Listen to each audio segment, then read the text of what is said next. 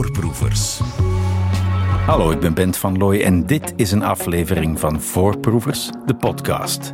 Uh, in deze aflevering heb ik het met uh, psycholoog Mark van Steenkisten over zijn boek Leven met trauma over, ja, leven met trauma. Voorproevers. Hebt u dat ook thuis of ligt het aan mij? Zijn trauma's deze dagen ineens overal? Uh, er is onder andere jouw boek, Mark van Steenkisten, maar ook onder mijn vrienden is het afgelopen maanden echt een thema. Maakt het trauma een soort comeback? Uh, het trauma maakt een comeback van nooit weg geweest, alleen verandert het voortdurend van vorm, die comeback, denk ik. Klopt inderdaad. Hè. Als ik mijn, uh, als mijn Facebook open doe, natuurlijk door uw belangstelling en uw vriendenkring, gaat dat misschien selectief uh, meer zijn, maar ik zie ook een, een, een allee, processie van traumatherapieën, traumacoachen enzovoort. Hè. Dus er is daar zeker iets, iets rond bezig. Ja. Wat zegt dat over onze tijd? Ja, daar kunnen we dat het dan heel lang over hebben. Hè. Um, wat zegt dat over onze tijd? Ik denk dat je eerst eens moet stilstaan bij het begrip trauma zelf. Dat wou ik net vragen. Wat is dat, een ja, trauma? wat is een trauma? Dat is op zich al drie uur uitleg, maar we gaan dat beperkt proberen mm houden. Hè. In de klassieke definitie hè, uh, zegt men een trauma is een... Men maakt een onderscheid tussen enkelvoudige trauma's. is een, een gebeurtenis die op een bepaald moment plaatsgrijpt en die uw normale copingmechanismen overschrijdt. In mensentaal eh, als ik hier met u zit te praten, hè, dan uh, zit ik in wat men noemt de window of tolerance. Mm -hmm. Ik zit wat gespannen misschien, de eerste keer dat ik hier zit. Okay. Uh, maar goed, het ja. valt mee. Ik, ja. ik, kan dat aan, ik kan horen wat je mij vraagt enzovoort. Hè. Uh, die gebeurtenis is zeker niet traumatiserend voor maar, mij. Een traumatische gebeurtenis is iets heel, heel, heel indrukwekkends dat je door elkaar Ja, maar dat wil ik straks gaan nuanceren. Ja? Hè. Als hier nu plots uh, handgranaten ontploffen in de studio en er komen hier drie mannen met bivakmutsen en machinegeweren binnen, dan is dat toch een gebeurtenis hè, die nogal overweldigend zal zijn hm. en die ons, de meeste toch onder ons, in een mentale toestand zal brengen die wij normaal gezien niet waar wij normaal niet mee te maken krijgen. Er worden allerlei mechanismen uh, geactiveerd. De klassieke dingen die ondertussen iedereen kent, fight, flight, freeze enzovoort. Hè. Uh, en die toch serieus verschillen van hoe wij door het dagdagelijks leven heen gaan. Hè. Dat noemt men een enkelvoudig trauma. Met de kanttekening, in de wat oudere definities zal men zeggen, het is een gebeurtenis die buiten de range van de normale menselijke ervaring valt. Mm -hmm. Ik denk dat je dat een beetje moet nuanceren. Hè. Wanneer je een verkeersongeluk hebt en je zit vast in het wrak van je auto en je ziet er zo wat rookpluimpjes opstijgen. Je krijgt een hevige angst dat die auto in brand gaat vliegen. Je kunt daar niet uit. Dat zal toch voor veel mensen een traumatiserende ervaring zijn. Terwijl valt dat buiten de range van het hè, dagelijkse leven niet per se. Het gebeurt zo vaak. Het gebeurt zo vaak. Hè. Dus je moet je daar niet altijd zo van die heel extreme dingen bij voorstellen. Um, een tweede, en kunnen we een beetje naast elkaar zetten, een tweede... Ja, maar ik wil, ik wil hier toch ja, heel graag even op verder gaan. Ja. Want, want wat voor de een inderdaad een levensveranderende situatie is, hè, in die auto stellen we ons voor, ja. die angst voor het in brand vliegen, is voor de andere ja, eigenlijk een, een, een bliepje op de radar. Ja. Hoe dat kan is, dat? Dat is heel terecht dat je dat opmerkt, denk ik. Hè. Uh, het woord trauma in het dagdagelijks taalgebruik koppelt men nogal sterk aan de gebeurtenis, terwijl het is beter van te zeggen, iets is traumatisch voor een bepaalde persoon, omdat het op een bepaalde manier is binnengekomen en bepaalde effecten heeft gehad. En inderdaad, wat voor de ene mens zeer traumatiserend is, is het voor de ander nauwelijks. Hè? Ik zal niet zeggen niet, maar nauwelijks. Mm -hmm. Zijn sommige mensen traumagevoeliger? Toch wel, ja, ja absoluut. En valt zoiets op voorhand te meten? Achteraf kun je altijd uitleggen waarom die persoon traumagevoeliger was, zonder probleem. Maar om dat bij voorbaat te zeggen, is moeilijk. Je kunt zeggen dat mensen die in het verleden trauma's hebben meegemaakt, dat daar een soort bodem wordt uh, gecreëerd. Zeker als dat over vroegkinderlijke dingen gaat, jeugdtrauma's enzovoort. Zullen nu toch wel gevoeliger maken voor latere trauma's en zullen de drempel ook verlagen. Hè. Een gebeurtenis die iemand anders behoorlijk onaangenaam vindt, kan een traumatiserend karakter krijgen, omdat ze vroegere trauma's triggert. Hè, zoiets. En je zou dus kunnen zeggen dat het iets met opvoeding te maken heeft. Een veilige haven of het ontbreken daaraan kan iemand meer of minder traumagevoelig maken? Ja, dat ook eerder beter gewapend is de ene dan, dan de andere. Dus, ja, uh, ja, Uw veerkracht zal toch groter zijn als je minder traumatische dingen in uw verleden hebt dan uh, wanneer dat niet is. Mm -hmm. Een van de meest uh, traumatische ervaringen die een mens zich kan voorstellen is een oorlogssituatie. He, na de Eerste Oorlog kwamen soldaten ge totaal getraumatiseerd mm -hmm. terug naar hun dorp. Mm -hmm. Dat heette toen shell shock. We kennen ook, ook de verhalen over de Vietnam-soldaten. Zeker. u schrijft in uw boek die hebben allemaal iets gemeen. Generatie na generatie vertelt eigenlijk op dezelfde manier. -hmm. uh, ja, als je kijkt naar de, zou ik het zeggen, de symptomen. Hè, een beetje een vreemde term vind ik, dat zo nogal medisch klinkt. Um, maar toch, die mensen hebben bepaalde symptomen die ook, ook al in de oude Griekse literatuur beschreven worden. Hè, dus dan spreken we toch van een paar duizend jaar terug.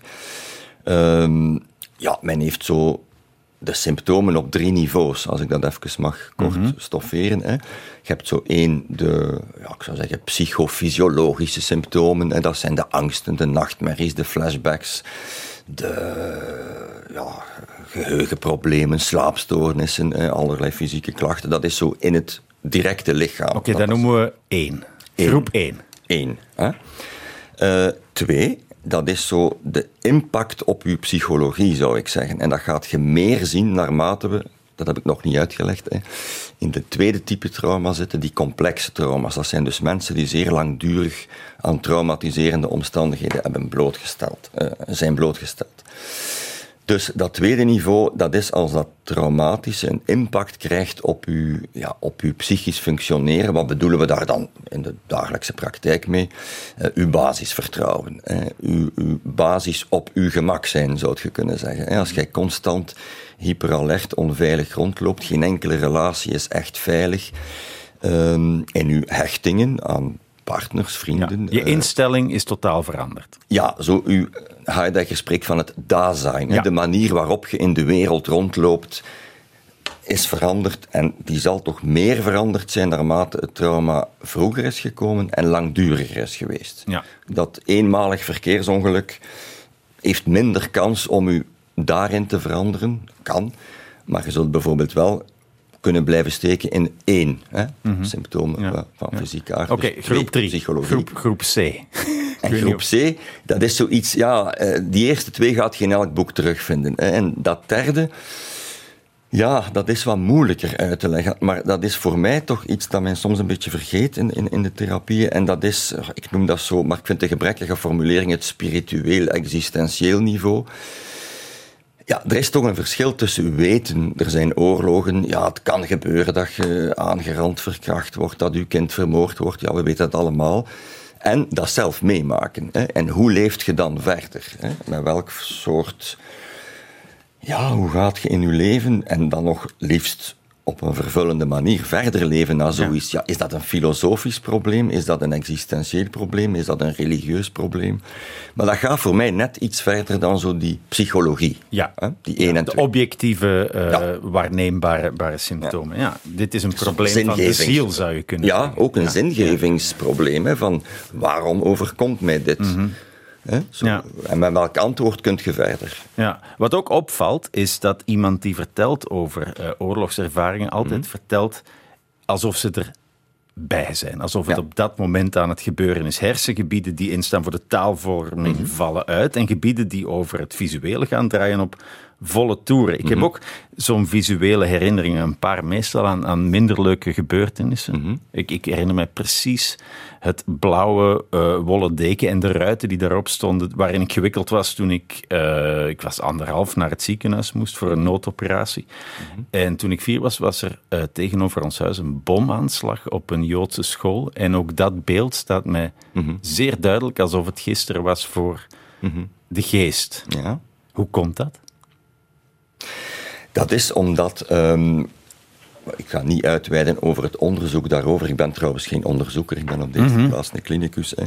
Dat is omdat het blijkbaar het geheugen een traumatisch moment, dat wil dus zeggen een moment dat gebeurt in een context waarin uw lichaam psyche, lichaam in een bepaalde toestand is die je alleen maar gaat zien wanneer je in een traumatische arousal zit, noemt dat, dat die informatie anders wordt opgeslagen. Als wij hier nu zitten te praten, goed, ik hoor uw vraag, jij hoort mijn mhm. verhaal, Straks kunnen we daar een beetje over napraten. Dat heeft de structuur van een verhaal. We zijn begonnen met dat.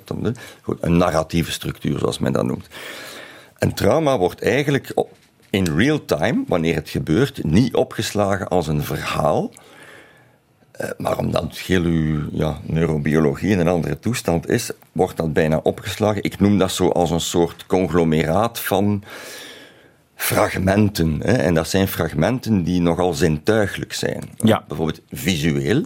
trauma kruipt echt in je lichaam, meer dan in je hoofd, zou je kunnen zeggen. Uh, laten we zeggen, het zal wel ergens in uw hoofd opgeslagen zijn, in uw hersenen. Waarschijnlijk misschien ook direct in het lichaam, daar is men niet uit. Maar op subjectief niveau, op uw belevingsniveau, is het toch wel anders dan een verhaal dat u herinnert. Hè? Gewoon een niet-traumatisch verhaal. En het zijn blijkbaar vooral de visuele elementen die overblijven. Men ziet dat ook wanneer men mensen een trauma laat herbeleven in bepaalde scanners, hè, mm je dus uh, de activiteit van de hersenen kunt zien, dat de visuele cortex enorm oplicht. Ah ja. Ja, dat kun je echt zien. En de talige cortex, hè, die meestal links zit, dat die bijna niet meer actief is. Dus terwijl het trauma gebeurt, zit je niet in iets taligs niet meer. Huh. Ja. Mhm. En een eh, tweede ding, ja, visueel, maar ik hoor in de praktijk ook, eh, geuren op een of andere manier zijn ongelooflijk sterk. Ook in het heroproepen van trauma's. En aanrakingen. Hè. Er zijn mensen die bijvoorbeeld niet veel kunnen vertellen over, neem nu een aanranding, hè, die zeggen, ik, dat is één blur, maar ik voel nog de hand daar of daar. Werkelijk. En dan moet je het u denk ik letterlijk voorstellen. Ja. Voel die hand daar of daar op mij. Hè. Terwijl er weinig verhaal soms is. Mhm. En een, een, ander ding wat ik in uw verhaal hoor, hè, dat is zo de... En dat is iets heel akelig, dat je zomaar soms niet ziet. Um, dat is dat mensen zeggen, ik, ik, voor mij blijft de tijd staan. Goed, ik leef wel verder. En ik doe wel mee met de samenleving, maar iets in mij blijft staan en mhm. is daar gebleven. Hè.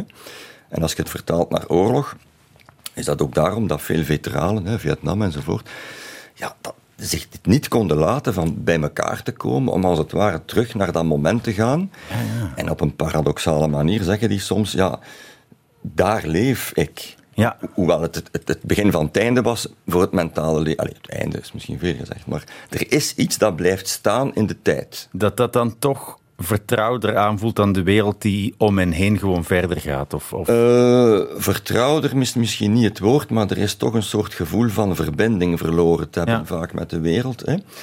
En wat is nu de uitdaging, als ik het zo mag zeggen, als je therapeutisch bekijkt, van dat fragment dat er als een granaatscherf in, in uw ja, geheugensysteem, in uw psyche zit, van dan als het ware terug een onderdeel te maken van uw biografie. Dat dat mee in het verhaal van uw leven komt, zonder dat dat die traumatische beladenheid uh, houdt.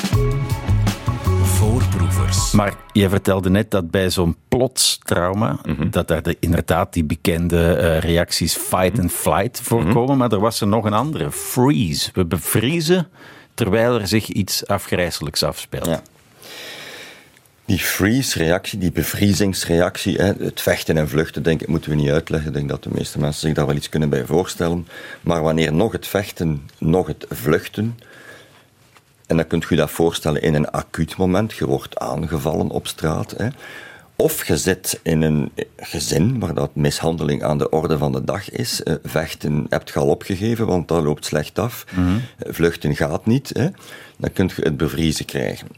Goed, in die, acute, in die acute situatie kunnen we ons dat misschien het best voorstellen. Hè. Iemand uh, wordt in een donkere steeg tegen de muur geduwd. Ik, ik geef nu een beetje een, een, sprekend voorbeeld. Hè. Die voelt van, ik kan hier niet vechten, ik kan niet vluchten. Die kan voelen van, ik kan mij niet meer bewegen, ik sta hier bevroren. Hè. Men maakt dan nog een onderscheid tussen een actieve freeze, waarbij je bijzonder opgedraaid, opgejaagd, hard klopt. Hè. En het extreme geval is een soort in elkaar stort. En je lichaam wordt echt slap, gezakt in elkaar. En je kunt je ledematen gewoon ook niet Nee, bewegen. je ziet er eigenlijk met zo interessante filmpjes op YouTube bij dieren, je ligt, als je, als je door je been zakt, ligt je dood. Hè? Of zo ziet dat eruit. Je verliest urine, je verliest stoelgang. Dat is echt zo de diepste...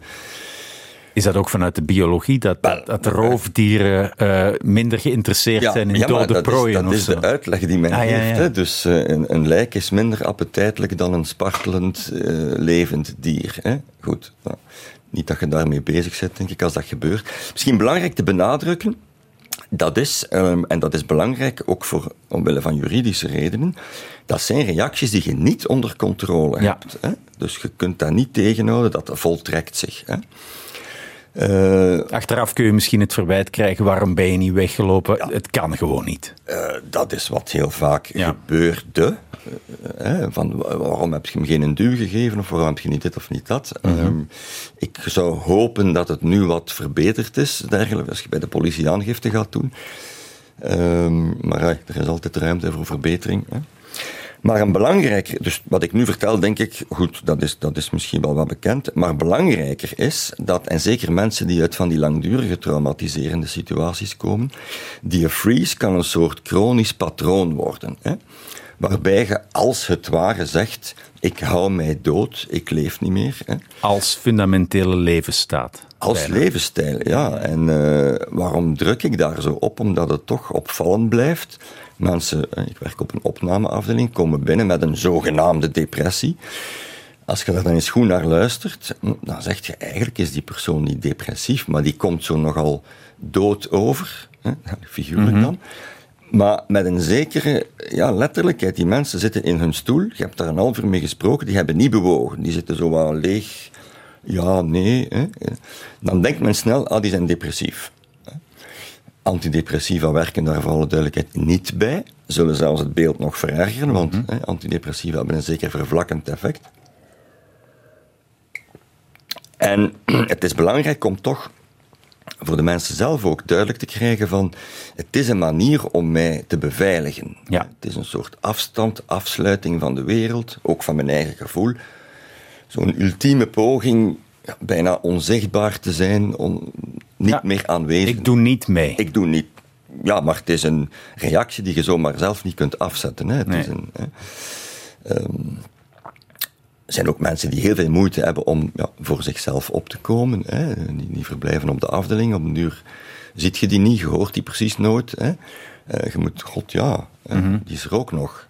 Maar het is een, daar hoort je nou dat dat de rode draad is in gans hun leven. Dat ja, Ja. bevroren, bijna levend dood zijn. hè. Een hele, een hele andere manier om met trauma om te gaan is, is eh, natuurlijk dat trauma met je meedragen. Maar eh, er is een, dan, dan kan er een soort splitsing optreden, waardoor je voor de buitenwereld net een heel gewone job hebt of een heel gewoon gezin, schijnbaar. Eh, dat gebeurt vaak met terugkeerders van, Ja. van de Holocaust. Niet alleen met die mensen, dat gebeurt ook met veel mensen. Hè. Eh, en dat Maar gaat- waarom, ik het daarover Ja, heb, is om, is om dat, dat was dan de eerste generatie die terugkwam en, Mhm. en moest het leven weer op, oppakken na een Ja. ervaring die geen mens zou mogen doormaken. Nee. Zeer moeilijk. Ja. Wat ik interessant vond, was dat het trauma niet alleen daarbij blijft, bij de mensen die erbij waren, maar dat het ook wordt doorgegeven naar de volgende generatie op een heel andere manier dan weer. Inderdaad. En de vraag is... Ja, hoe, hoe, hoe, hoe werkt zoiets? Ja, dat vind ik zelf een zeer fascinerend gegeven dat mij altijd bezig heeft gehouden, die transgenerationele overerving van trauma's. Zo noemt men dat dan, maar natuurlijk, dat wordt niet overgeërfd. Hoewel, genetisch in de zin van de genen, hoewel daar zelfs theorieën over zijn dat dat kan. Ja. Eh, Er wordt ook gezegd van, van veel eh, zwarte Amerikanen dat de echo's van de trauma's van de slavernij generatie na generatie nog steeds wordt Ja, doorgegeven. er zijn onderzoeken die aangeven dat bijvoorbeeld een moeder die zwanger is, die zelf getraumatiseerd wordt, dat dat toch iets verandert in de epigenetische structuur van het kind. Hè. Dat dergelijke kinderen meer angstproblemen hebben enzovoort. En dan spreken we toch bijna van een, een biologisch mechanisme. Hè. Ehm, bij die Holocaust-overlevers is er werkelijk een gigantische literatuur over de eerste generatie, de tweede, de derde enzovoort. Hè. Ehm, wat is eigenlijk zo een beetje het, ja, het basismechanisme? Meestal mensen uit de eerste generatie, ik heb er zo toch een aantal gekend, kunnen niet spreken over wat er gebeurd is. Natuurlijk, de Holocaust heeft het tussen aanhalingstekens voordeel dat iedereen die geschiedenis kent. De mhm. kinderen weten wel hè, het grote verhaal. Maar vaak konden die ouders niet spreken wat ze werkelijk waren tegengekomen. Omdat de, de horror was zo groot dat het ook voor hen moest ja, bijna weggeduwd worden in de mate dat dat kan. Maar natuurlijk, die kinderen groeien dan op in een gezin ja, waar dat er heel veel onbegrijpelijke dingen gebeuren. Hè. Daarom nog niet in de feiten, maar vreemde stiltes, een, een soort ouder-kindcontact dat niet helemaal werkt, nooit oogcontact, vreemde mhm. vader of moeder die plots angsten krijgt, uh, weet ik veel. Hè. Je krijgt daar een zeer sterk element van onbegrijpelijkheid bij dat kind. Maar dat, goed, en de, wat men noemt dan de spiegeling door de ouders. Zo de ouders die uh, het kind echt zien, bezig zijn met de noden van het kind. Ja, dat werkt niet zo goed. Hè. Die mensen zitten zo vast zelf in hun traumatische geest dat er eigenlijk dat ze het moeilijk hebben om zich gewoon, ja, basic, op de kinderen te richten. En wanneer het fout loopt met die spiegeling, schrijft u in uw boek, hè, dat, dat, is een, dat is een heel groot probleem. De, de, er staat ook dat, dat uh, experimenten van die uh, kleine aapjes die worden opgevoed door twee uh, poppen van apenmoeders. De ene is een harde machine. Of legt u eens uit? Wel, ik zou misschien, als ik even een zijsprong mag maken, dat voor de mensen die daarin geïnteresseerd zijn, moet je maar eens op YouTube okay. het still face experiment indrukken. Still met dubbel L, face, gezicht. Still face experiment. En wat ziet je daar? Daar ziet je, uh, men, men, doet dat opzettelijk, een heel jong kind van minder dan een jaar. Hè. De moeder is daarmee bezig, hè, geluidjes maken, wat we spontaan doen met jonge kinderen. En men vraagt die moeder van, hou pokerface nu. Niks meer zeggen, niks meer doen, starre blik naar het kind. Je ziet dat, hè? tik het eens in en je gaat het direct zien. Dat kind wordt ontredderd omdat het zo tegenover iets bizar staat. Hè? Een moeder die niet meer reageert. Dan noemt men de spiegeling. Mhm. Dat gaat dan verder. Want een goede spiegeling is: een kind doet iets, we spiegelen dat met ons gezicht, we leven mee, letterlijk. En dat, dat maakt dat er een Dat maakt dat het kind is. zoiets krijgt van... Hè, het kind valt, oei jongen, heb je pijn gedaan? Allee, kusje op de knie, zo. Mhm. Het kind leert als het ware, maar dat is niet expliciet van... Ah ja, zo is pijn, dat is troost, dat is op te lossen. En zo ontwikkelt het kind een soort innerlijke wereld. En wanneer al die dingen wegvallen? Dan wordt dat kind overgeleverd. En dat ziet je echt gebeuren in dat filmpje. Hè, aan, allerlei onbegrijpelijke innerlijke stress, angsten. Moet daar dan ook weer mee omgaan. Maar ja, kan daar weer niet mee terecht bij die ouders die zelf in hun traumatisch verhaal zitten. Hè. En dan krijg je toch uh, allerlei problemen bij die kinderen. Hechtingsproblemen vaak. Hè. Dat is niet per se het geval, hè, maar enfin, die kans wordt toch groter. Uh, en dan noemt men dan de problematiek van de tweede generatie. Hè. En daar zit je toch soms wel heel. het zijn bijna, ik ga niet zeggen paranormale fenomenen, maar kinderen die dan dromen krijgen, die akelig dichtstaan bij wat er gebeurd is met de ouders. Ja, zoveel toch van die speciale fenomenen, laat toch zeggen, die toch zeggen dat er een soort transmissie is van, ja, van wat? Ik bedoel dat nu niet in de. In het boek noemt, noemt u het, het kwaad.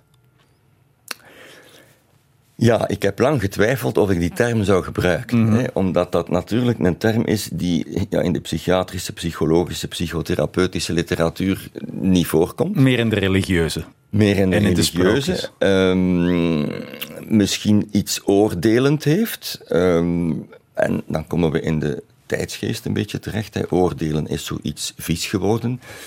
Uh, ik vind dat spijtig, omdat je soms toch moet oordelen. We oordelen altijd, hè. Eh, we kiezen voor dat en niet voor dat. Mhm. Dat is een soort oordeel. Maar dat sluit een beetje aan bij dat derde register dat ik daar zeg. Hè. Op een bepaald moment. Het register van de. Van dat, dat ja, existentieel-spirituele van hoe leef ik verder? En dan, dan komt er zo'n moment dat je toch op moet gaan allez, kiezen. Dat is niet zo'n vast moment van Ga ik mij laten kapotmaken door dat kwade of kies ik voor het leven? Maar dat klinkt zo alsof je daar zomaar kunt voor kiezen. Dat op zich is een heel proces. Mm en naar jezelf toe, denk ik, uh, dat het belangrijk is dat je zo kunt weten, ik kan in de greep van het kwade geraken. Maar dan bedoel ik het kwade niet zo, want nu klink ik precies als een ja, nee, pastoor uit de jaren 50. Bijvoorbeeld, ik word extreem jaloers, of ik word extreem kwaad, of ik word extreem afgunstig, of ik word, ex, weet, noem maar in. Of ik begin mij zo te gedragen dat ik weet, dit is destructief gedrag. Hè. Dat je de vrijheid hebt om eigenlijk te zeggen, nee, ik ga niet die weg kiezen. Ik kies voor iets constructief. Kunnen mensen met trauma die keuze maken? Ik denk uh, in bepaalde fasen bijna niet. Hè. Ik zal dat misschien met een voorbeeld aanschouwelijk maken. Hè. Klassiek verhaal. Uh, mensen die stevast op foute partners vallen. Maar dan spreek ik echt over uh, allez, gewelddadige partners. Hè. Dat ja. gezegd, die zitten precies vast in een diabolisch patroon. Met een verstand weten ze à la limiet nog wel van... Ja, dit is niet goed, maar die kunnen bijna niet aan. Dat voltrekt zich op die Want dat is ook een veel, een veel voorkomend uh, patroon bij, bij trauma-slachtoffers. Mm -hmm. Het vervallen in een soort herhaling. Ja, absoluut. Ja. He, van, er is hun niets aangedaan en, en, en ze kunnen bijna niet anders dan, dan die handeling verder zetten. Ja. Uh, dat is een van de meest, uh, ja, vind ik, akelige problemen die je mhm. kunt uh, tegenkomen in, allez, in, in de psychotherapie. Daar was Freud trouwens ook al mee bezig, met de herhalingsdwang noemde hij dat. Hè. Dat mensen in allerlei varianten ja, iets blijven herhalen hè, dat niet goed is voor hen en toch kunnen ze het niet stopzetten. En ik denk dat een groot stuk van de therapie dan, maar therapie en trauma is een heel breed terrein, toch iets is van te kunnen weggaan daarvan. Van mhm. een soort vrijheid te krijgen van dat niet meer in allerlei varianten te blijven herhalen. Dat is, dat is voor wat het voor mij vrijheid is. Uit de greep geraken van de dingen die u bijna vast hebben. Ja, dat, dat, is, het, dat is de opdracht. Hè? Dat is de eh, opdracht, ja. Vroeger werd wel eens gezegd van ja, je moet proberen om goede herinneringen en positieve dingen in het geheugen binnen te brengen. Maar, maar dat is niet de oplossing. Dat is een beetje als zeggen tegen iemand met een depressie, maar je hebt toch een leuk gezin, je hebt toch een mhm. leuk huis. Mm ik weet niet of je daarmee verwijst naar uh, het citaat waarmee mijn boek begint. Hè?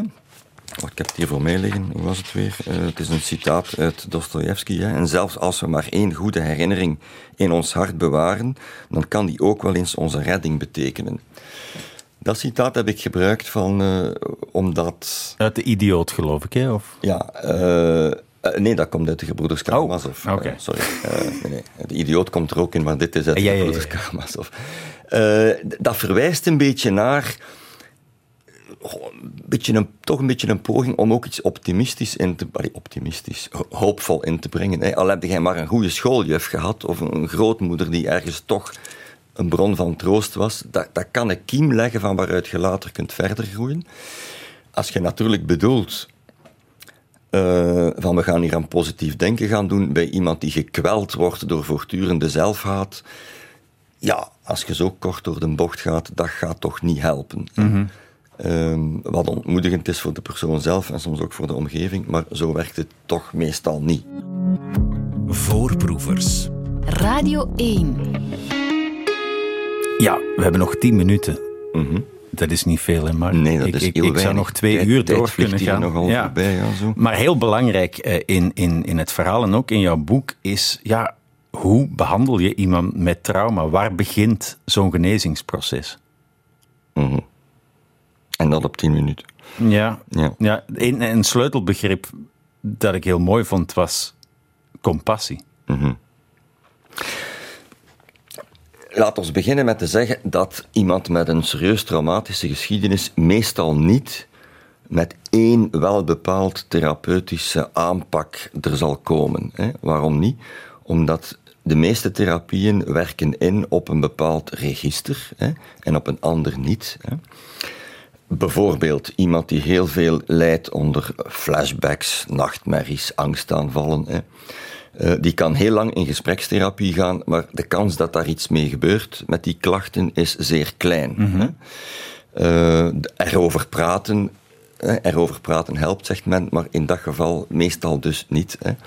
Ehm, dan heb je therapieën zoals EMDR, ja. dat is wel bekend dat, dat, dat, dat, is inderdaad een, een, een, extreme vorm van stilstaan bij de gebeurtenis. Ja. Ze herbeleven, terwijl je met je ogen ja. uh, links-rechts bewegingen maakt die dan weer bepaalde zones in je brein zouden activeren. Ja, de, de onderzoeken daarover gaan in die richting. Hè. Wat de EMDR doet, het lijkt een beetje op hypnose als je het ziet, maar mhm. het is eigenlijk dat niet.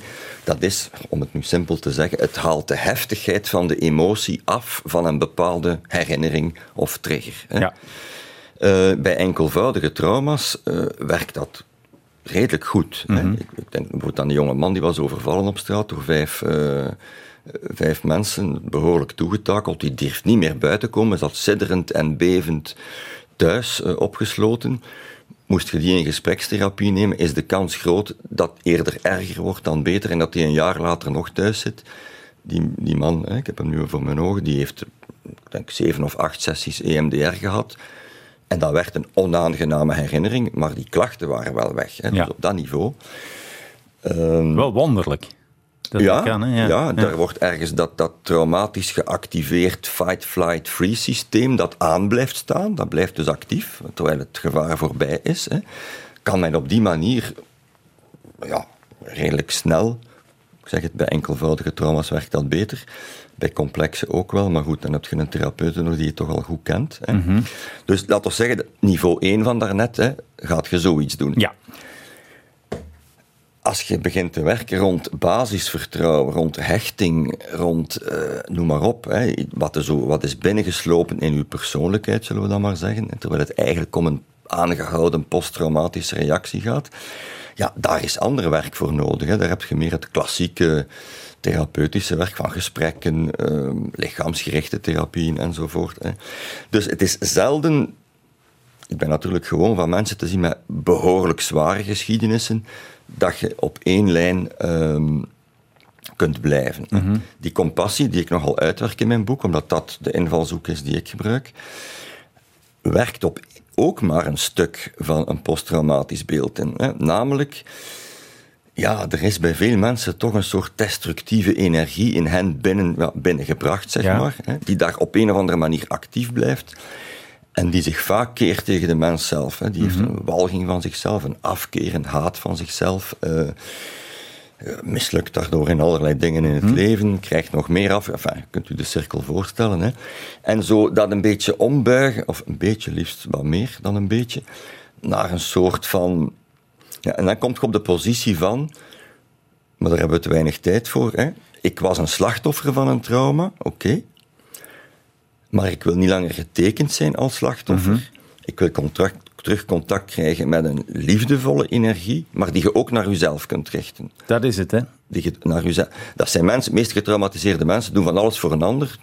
Patroon dat ik toch vaak zie, worden natuurlijk ook weer vaker daarin misbruikt. Mhm. Maar zo zichzelf die plaats geven in de wereld als evenwaardig, zo niet de verworpen getekende zo. Ja. Dat is compassie. Ja dat cultiveren. En dat is jouw rol als, als uh, psychiater Dat is het stuk waar ik mij in heb verdiept. Hè. Mhm. Maar ik zeg het, dat is niet de therapie. Hè. Dat is een stuk daarvan. Ja, vorige week was er een, uh, of, of een paar weken geleden was er een zomergasten waarin uh, Bessel van der Kolk, ook, ook een therapeut, het had over de wounded healer. De therapeut die vanuit zijn eigen kwetsbaarheid mm geneest, zeg maar. Herkent u, zich, herkent u daar iets in? Ja, mijn affiniteit voor trauma, zonder in detail te treden, heeft zeker te maken met mijn eigen geschiedenis. En, mhm. en dat geeft een resonantie met dat thema. Ja. Dat staat zo, het moet genoeg buiten u staan om goed te werken, maar er is toch een soort resonantie. Hey, eh, er staat nog zoveel meer in dat boek van jou. Eh, Leven met trauma. Wil je meer weten over trauma's en hoe ermee om te gaan? Leven met trauma ligt nu in uh, de winkel. Mm Hebt u het gevoel dat we een klein beetje aan de oppervlakte gekrapt hebben hier? Een klein beetje wel, ja. Vind ik wel, ja. Maar ik zou hier graag nog een paar uur verder over gaan, natuurlijk. Voorproevers. Dit was Voorproevers, de podcast. Eh, ik had het met Mark van Steenkisten over leven met trauma.